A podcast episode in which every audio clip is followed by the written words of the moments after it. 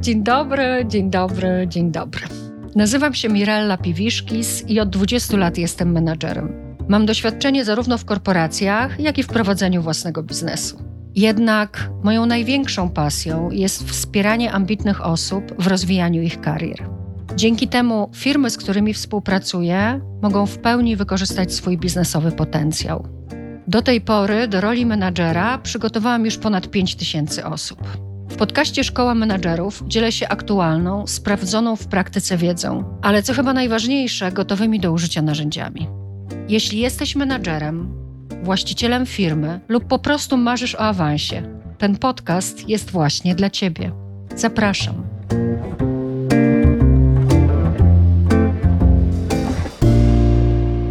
Witam wszystkich bardzo serdecznie w siódmym odcinku naszego podcastu. Dzisiaj o prezentacjach liderskich, czyli właściwie takiej aktywności menadżera, która jest z jednej strony nieunikniona, a z drugiej strony nie do końca lubiana.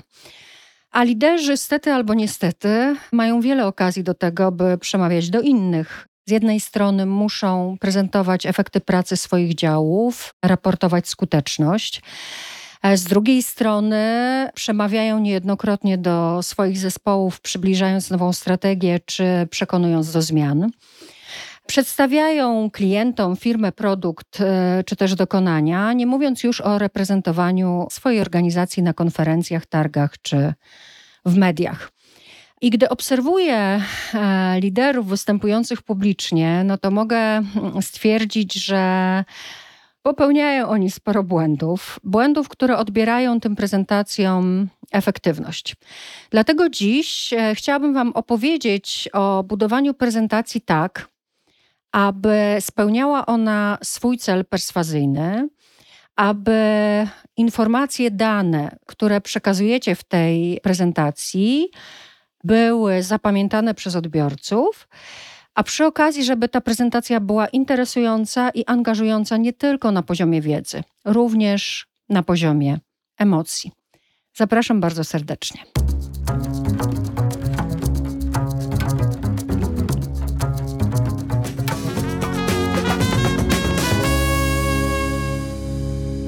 Aby Wasza prezentacja spełniała wszystkie te funkcje, o których powiedziałam na samym początku, warto korzystać e, z narzędzi chunkingu, czyli budować przekaz wokół efektów pamięciowych charakterystycznych dla naszego ludzkiego mózgu. Tych efektów jest sporo. Ja dzisiaj opowiem o siedmiu, ponieważ one właściwie decydują o strukturze informacji oraz e, strukturze wizualizacji, które wykorzystujecie w prezentacjach multimedialnych. Chciałabym zacząć od pierwszego podstawowego zjawiska, które właściwie determinuje całą konstrukcję przekazu, jest to pętla fonologiczna. A co to jest pętla fonologiczna? To jest taki mechanizm w naszym mózgu, który przenosi informacje usłyszane, zobaczone w trakcie na przykład waszego wystąpienia do pamięci krótkotrwałej. Czyli to jest taki mechanizm, który pozwala odbiorcom waszej prezentacji zapamiętać informacje, które przekazujecie. Kłopot polega na tym, że pętla fonologiczna ma pewną ograniczoną pojemność, a mianowicie, jeśli chodzi o pokolenie X, które ja reprezentuję, to przeciętny reprezentant mojego pokolenia jest w stanie zapamiętać od pięciu do dziewięciu tak zwanych kęsów informacyjnych, czyli czanków informacji. Stąd nazwa chunking. Jeśli chodzi o milenialsów, to już jest tylko od trzech do siedmiu takich kęsów informacji, natomiast pokolenie Z, czyli ludzi urodzonych w latach 90., to już tylko od dwóch do czterech czanków informacyjnych są w stanie naraz zapamiętać reprezentanci tego pokolenia. Menadżerowie, prezentując efekty swojej pracy, na przykład, popełniają jeden podstawowy błąd, a mianowicie przekazują za dużo informacji w trakcie jednego wystąpienia publicznego, jak również przeładowują prezentacje multimedialne, czyli slajdy, danymi informacjami, e, myśląc, że ilość danych przekłada się na efekt perswazyjny. Tak nie jest. Czyli pierwsza wskazówka dla Was, jak będziecie budować prezentację, jest taka, że trzeba się zdecydować na to, jakie informacje, jakie dane, jakie argumenty, jakie korzyści ze współpracy, jeżeli temu służy akurat e, prezentacja, żeby przekonać klienta do współpracy z naszą organizacją, czyli ile takich danych, ile takich informacji chcemy, aby było zapamiętane przez naszego odbiorcę. I śmiem twierdzić, że nie powinno być ich więcej niż trzy. Można powiedzieć o pięciu argumentach, informacjach, natomiast to już jest dużo i trzeba będzie wykorzystać inne efekty jeszcze chunkingu, o których za chwilę powiem, które wzmocnią zapamiętanie waszego przekazu. Kolejne trzy efekty pamięciowe, o których chcę Wam powiedzieć, zjawiska chunkingu, one dotyczą głównie faktycznie samego efektu przyswajania informacji, zapamiętywania informacji przez Waszych odbiorców. Jest to efekt pierwszeństwa, efekt świeżości oraz efekt powtórzeń. Przeszłam przez to bardzo szybko, dlatego że większość z Was zdaje sobie sprawę z tego, że jeżeli informacja jest powtórzona dwu albo trzykrotnie, no to będzie lepiej zapamiętana. I ja Was zachęcam do tego, żeby informację, która jest istotna dla Waszego przekazu perswazyjnego, to żeby tę informację powiedzieć dwu albo trzykrotnie w trakcie jednej prezentacji. Menedżerowie, z którymi pracuję, których przygotowuję do wystąpień publicznych, mają duży opór wobec tego. Natomiast zachęcam Was do tego, żebyście przetestowali to. Odbiorcy, widownia nie słyszą tego, że po raz drugi czy trzeci używasz tego samego sformułowania, tego samego czanku informacyjnego, natomiast efekt pamięciowy jest dwu lub trzykrotnie lepszy. No i jeszcze ten efekt pierwszeństwa oraz efekt świeżości. Wszyscy sobie zdają z tego sprawę, że najlepiej zapamiętywane przez odbiorców jest to, co jest na początku oraz to, co jest powiedziane na końcu. Z jednej strony teoretycznie wszyscy zdajemy sobie z tego sprawę. W praktyce jednak, jak menedżerowie przygotowują prezentację, niezależnie od jej celu, no to głównie skupiają się na czym? Na rozwinięciu. Tak? Czyli dopracowują, dopieszczają to, co jest właściwą prezentacją. Ignorując wstęp, jeżeli coś przygotowują, to komunikat autoprezentacyjny, o którym mówiłam zresztą w pierwszym odcinku podcastu, ale koniec, koniec jest już totalnie ignorowany. Prawda jest taka, bazując na chunkingu, że wstęp i rozwinięcie to są właściwie dla zbudowania waszego autorytetu, dla celu perswazyjnego prezentacji oraz dla zwrócenia uwagi na najważniejsze aspekty waszej przemowy, no to właściwie wstęp i zakończenie to są najistotniejsze momenty, więc warto przy przygotowaniu się na nich skupić.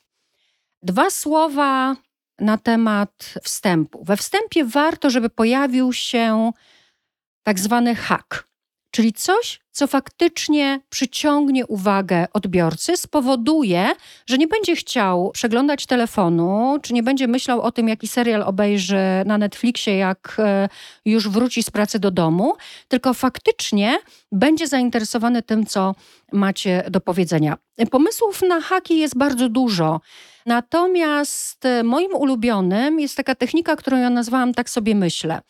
Czyli trochę takie otwarcie storytellingowe, gdzie ja mówię o tym, jak się przygotowywałam do tego wystąpienia. Czyli brzmi to mniej więcej w ten sposób.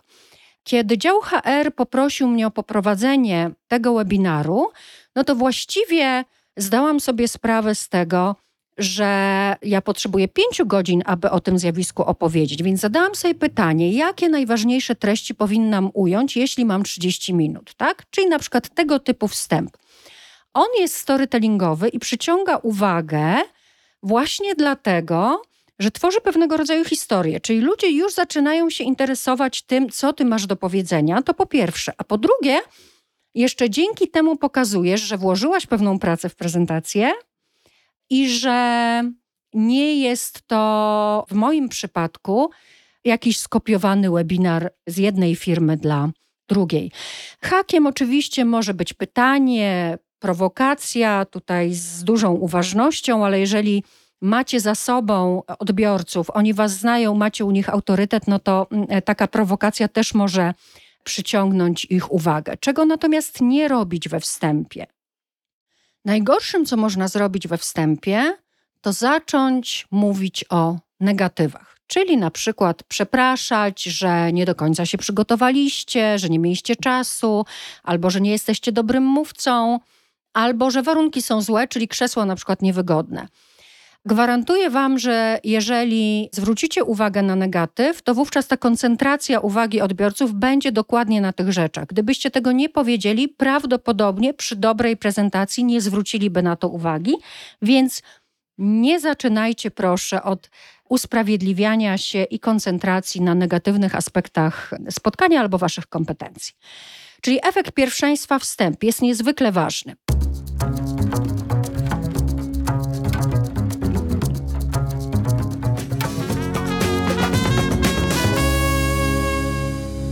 Efekt świeżości, zakończenie. I znowu mam takie wrażenie, że menadżerowie nie do końca zastanawiają się nad zakończeniem, nie potrafią zakończyć, zaczynają na nowo prezentację albo kończą z nienacka y, dziwnym stwierdzeniem i to by było na tyle. Zachęcam Was do tego, żeby Wasze zakończenie było typu action, czyli żeby był to jakiś rodzaj angażowania ludzi już w podejmowanie decyzji zgodnych z celem Waszej prezentacji. Czyli mogą to być pytania, które otwierają pętle, tak? Na przykład, a jakie jest Wasze zdanie, albo a jakie jest Wasze doświadczenie, jeśli chodzi o ten aspekt sprawy, albo zastanówmy się, drogi zespole, co w związku z tym możemy zrobić, aby nasze produkty sprzedawały się do pokolenia Z, tak? Czyli w zależności od tego, jaki jest cel perswazyjny, takie jest wasze call to action, które powoduje, że ludzie już zaczynają podejmować decyzje w trakcie, kiedy jeszcze was słuchają. Czyli mamy za sobą właściwie cztery takie podstawowe zjawiska chunkingu, przejdźmy do kolejnego, który jest niezwykle ważny. Nazywa się efektem partycypacji i mówi o tym, że najlepiej dotrzeć do odbiorcy poprzez jego aktywne zaangażowanie w Waszą prezentację. Takich sposobów angażowania oczywiście jest sporo, ale najpopularniejszym jest zadawanie pytań albo też odpowiadanie na te pytania. I tutaj kolejny błąd. Bardzo wielu prezentujących popełnia, nie tylko liderzy. A mianowicie od jakiegoś czasu obserwuję taką modę, że najpierw jest prezentacja, a na koniec są questions and answers. To jest błąd. Dlaczego? Dlaczego warto, aby pytania były zadawane w trakcie waszej prezentacji? Po pierwsze, właśnie jest tutaj efekt zaangażowania, czyli ludzie mają takie poczucie, że współtworzą waszą prezentację. Po drugie, jeżeli macie szerokie grono odbiorców, a na przykład nie macie wielkiego daru, jeśli chodzi o modelowanie głosu, to w momencie, kiedy ktoś z sali zada pytanie, to jest to efekt, ok, dobrze, coś się dzieje. I inni też zaczynają koncentrować uwagę na tym, co macie do powiedzenia. Kolejny pozytyw zadawania pytań w trakcie to to, że jeżeli komuś się rodzi wątpliwość w głowie odnośnie tego, co mówicie i nie uzyska od razu na to odpowiedzi, to może nie być w stanie skoncentrować się na dalszej części Twojej prezentacji albo jej po prostu zrozumieć, jeżeli nie wyjaśni tej swojej wątpliwości. Dlatego właśnie warto pozwolić odbiorcom Waszych prezentacji zadawać pytania w trakcie, jeżeli odpowiedź na te pytania jest później. To możecie zaparkować i powiedzieć, że za trzy slajdy będzie odpowiedź na Pana pytanie. I tutaj jest jeszcze jeden bardzo ważny dodatkowy efekt. Kiedy już dochodzicie do tego slajdu, gdzie jest odpowiedź na pytanie jednego z odbiorców, to bardzo fajnym zabiegiem prezentacyjnym jest nawiązanie do tego pytania i powiedzenie: I tutaj właśnie jest odpowiedź na Pana pytanie. Co dzięki temu zyskujecie? Ten człowiek poczuje się ważny i z pewnością będzie koncentrował uwagę na tym, co macie mu do przekazania.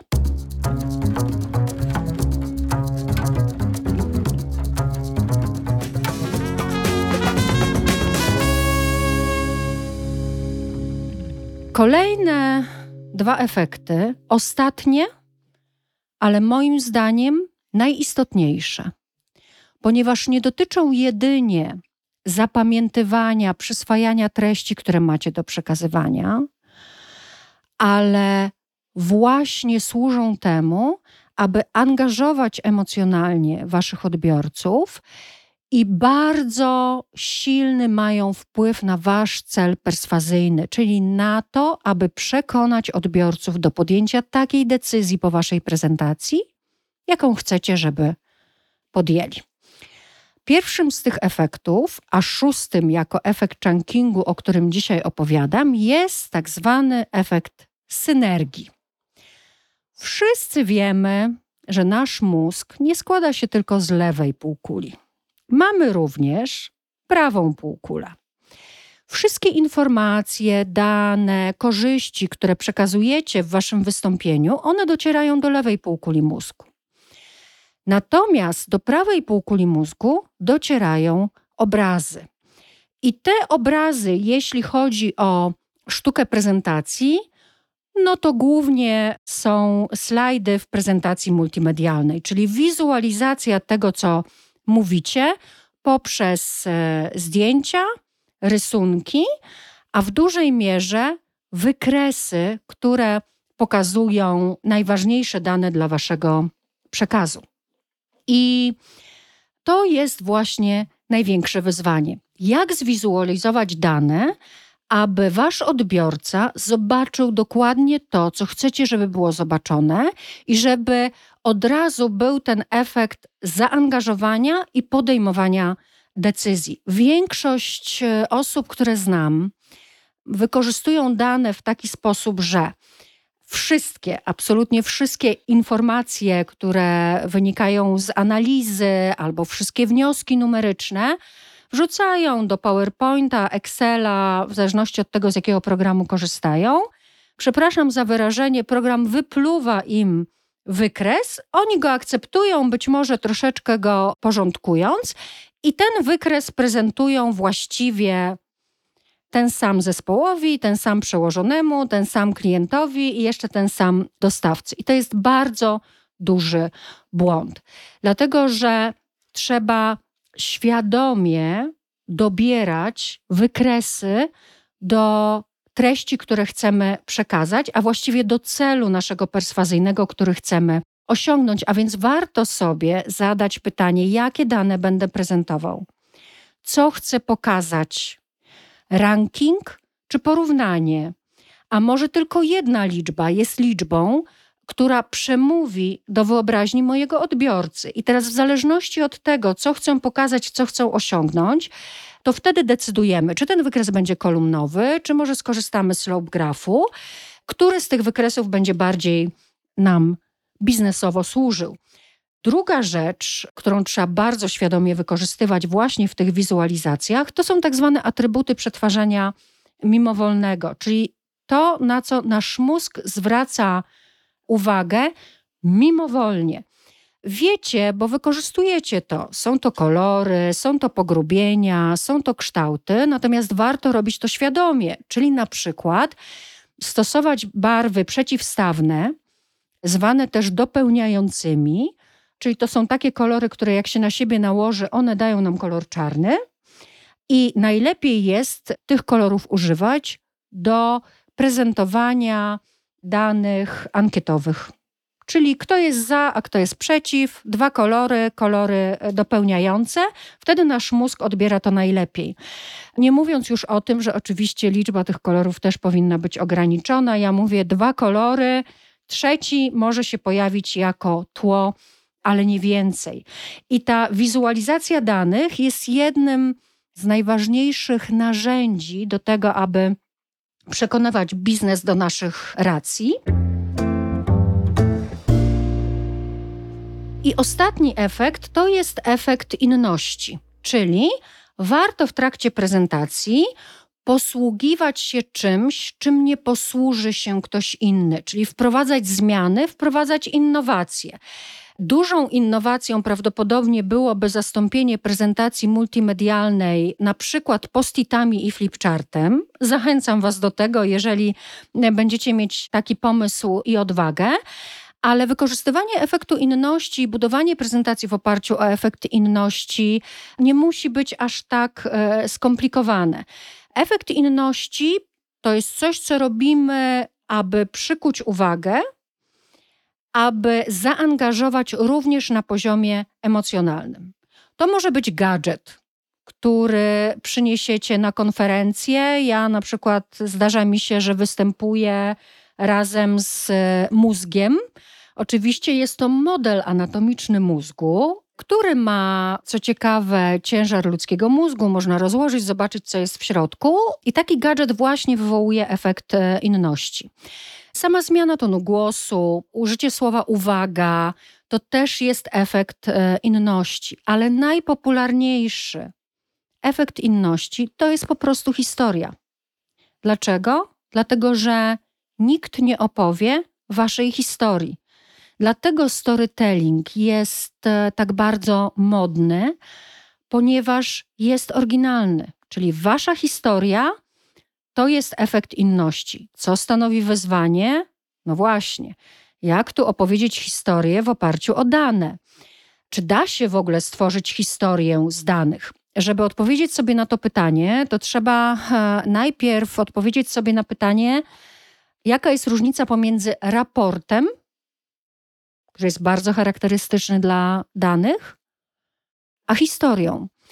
No, różnica jest taka, że historia to jest e, pewna podróż bohatera w czasie, który przeżywa rozterki emocjonalne. Czyli podstawą budowania historii jest umiejętne wybicie z równowagi emocjonalnej waszych odbiorców. Czy możemy to zrobić poprzez e, nudne dane i nudne analizy? No oczywiście wyobrażam sobie, że jesteśmy w stanie wyprowadzić z równowagi e, naszego przełożonego, jak powiemy, że, że forecast został zrealizowany w 50%, ale raczej mam na myśli właśnie dane, które nie są same w sobie aż tak ekscytujące.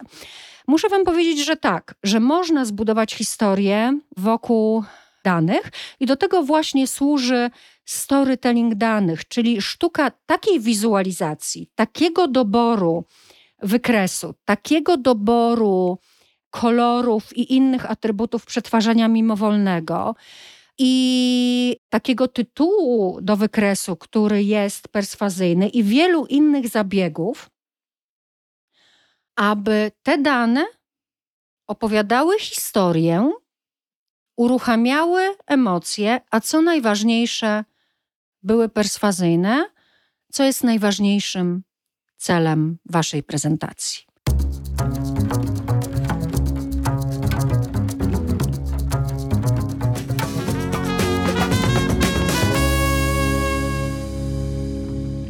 Podsumowując, po pierwsze, nie ma czegoś takiego jak prezentacja informacyjna. Jak prezentujecie efekty pracy działu, to tak naprawdę chcecie przekonać do tego, że pracujecie dobrze. Jak prezentujecie korzyści ze współpracy, to też jest prezentacja perswazyjna. Wszystkie prezentacje są perswazyjne. I aby ta prezentacja właśnie taka była, perswazyjna, przekonująca, powinna być zapamiętana, angażująca również emocjonalnie i z wyraźnym call to action. Co do tego służy? zbudowanie prezentacji z wykorzystaniem chunkingu, czyli siedmiu efektów pamięciowych. Przypomnę je bardzo szybko. Pętla fonologiczna, czyli ograniczona pamięć Waszych odbiorców, determinuje, ile informacji powinno się pojawić. Efekt pierwszeństwa i efekt świeżości mówi o tym, że wstęp i zakończenie są niezwykle istotne, jeśli chodzi o zapamiętanie, ale również budowanie Waszego autorytetu, osiąganie celu perswazyjnego. Warto, aby Wasze informacje pojawiały się, te najważniejsze, nie tylko raz w prezentacji, bo wykorzystacie wtedy efekt e, powtórzeń. Do tego jeszcze angażujcie swoich odbiorców, zadawajcie pytania, dawajcie zagadki, czyli wykorzystujcie efekt partycypacji. Jeśli do tego zaangażujecie prawą półkulę mózgu waszego odbiorcy poprzez odpowiednią wizualizację i zbudujecie wokół tego historię, czyli zaangażujecie emocjonalnie, to wykorzystacie efekt synergii oraz efekt inności w służbie efektywności Waszej prezentacji. Jak zwykle zapraszam Was na mirellapiwiszki.com ukośnik 7, gdzie znajdziecie notatki do odcinka. Co więcej, możecie tam znaleźć szkolenie wstępne ze storytellingu danych, które trwa w sumie chyba 50 minut i jest wystarczającą podstawą do tego, aby umiejętnie zbudować historię wokół dobrze zwizualizowanych danych. Zachęcam bardzo serdecznie do pobrania linku. Dziękuję.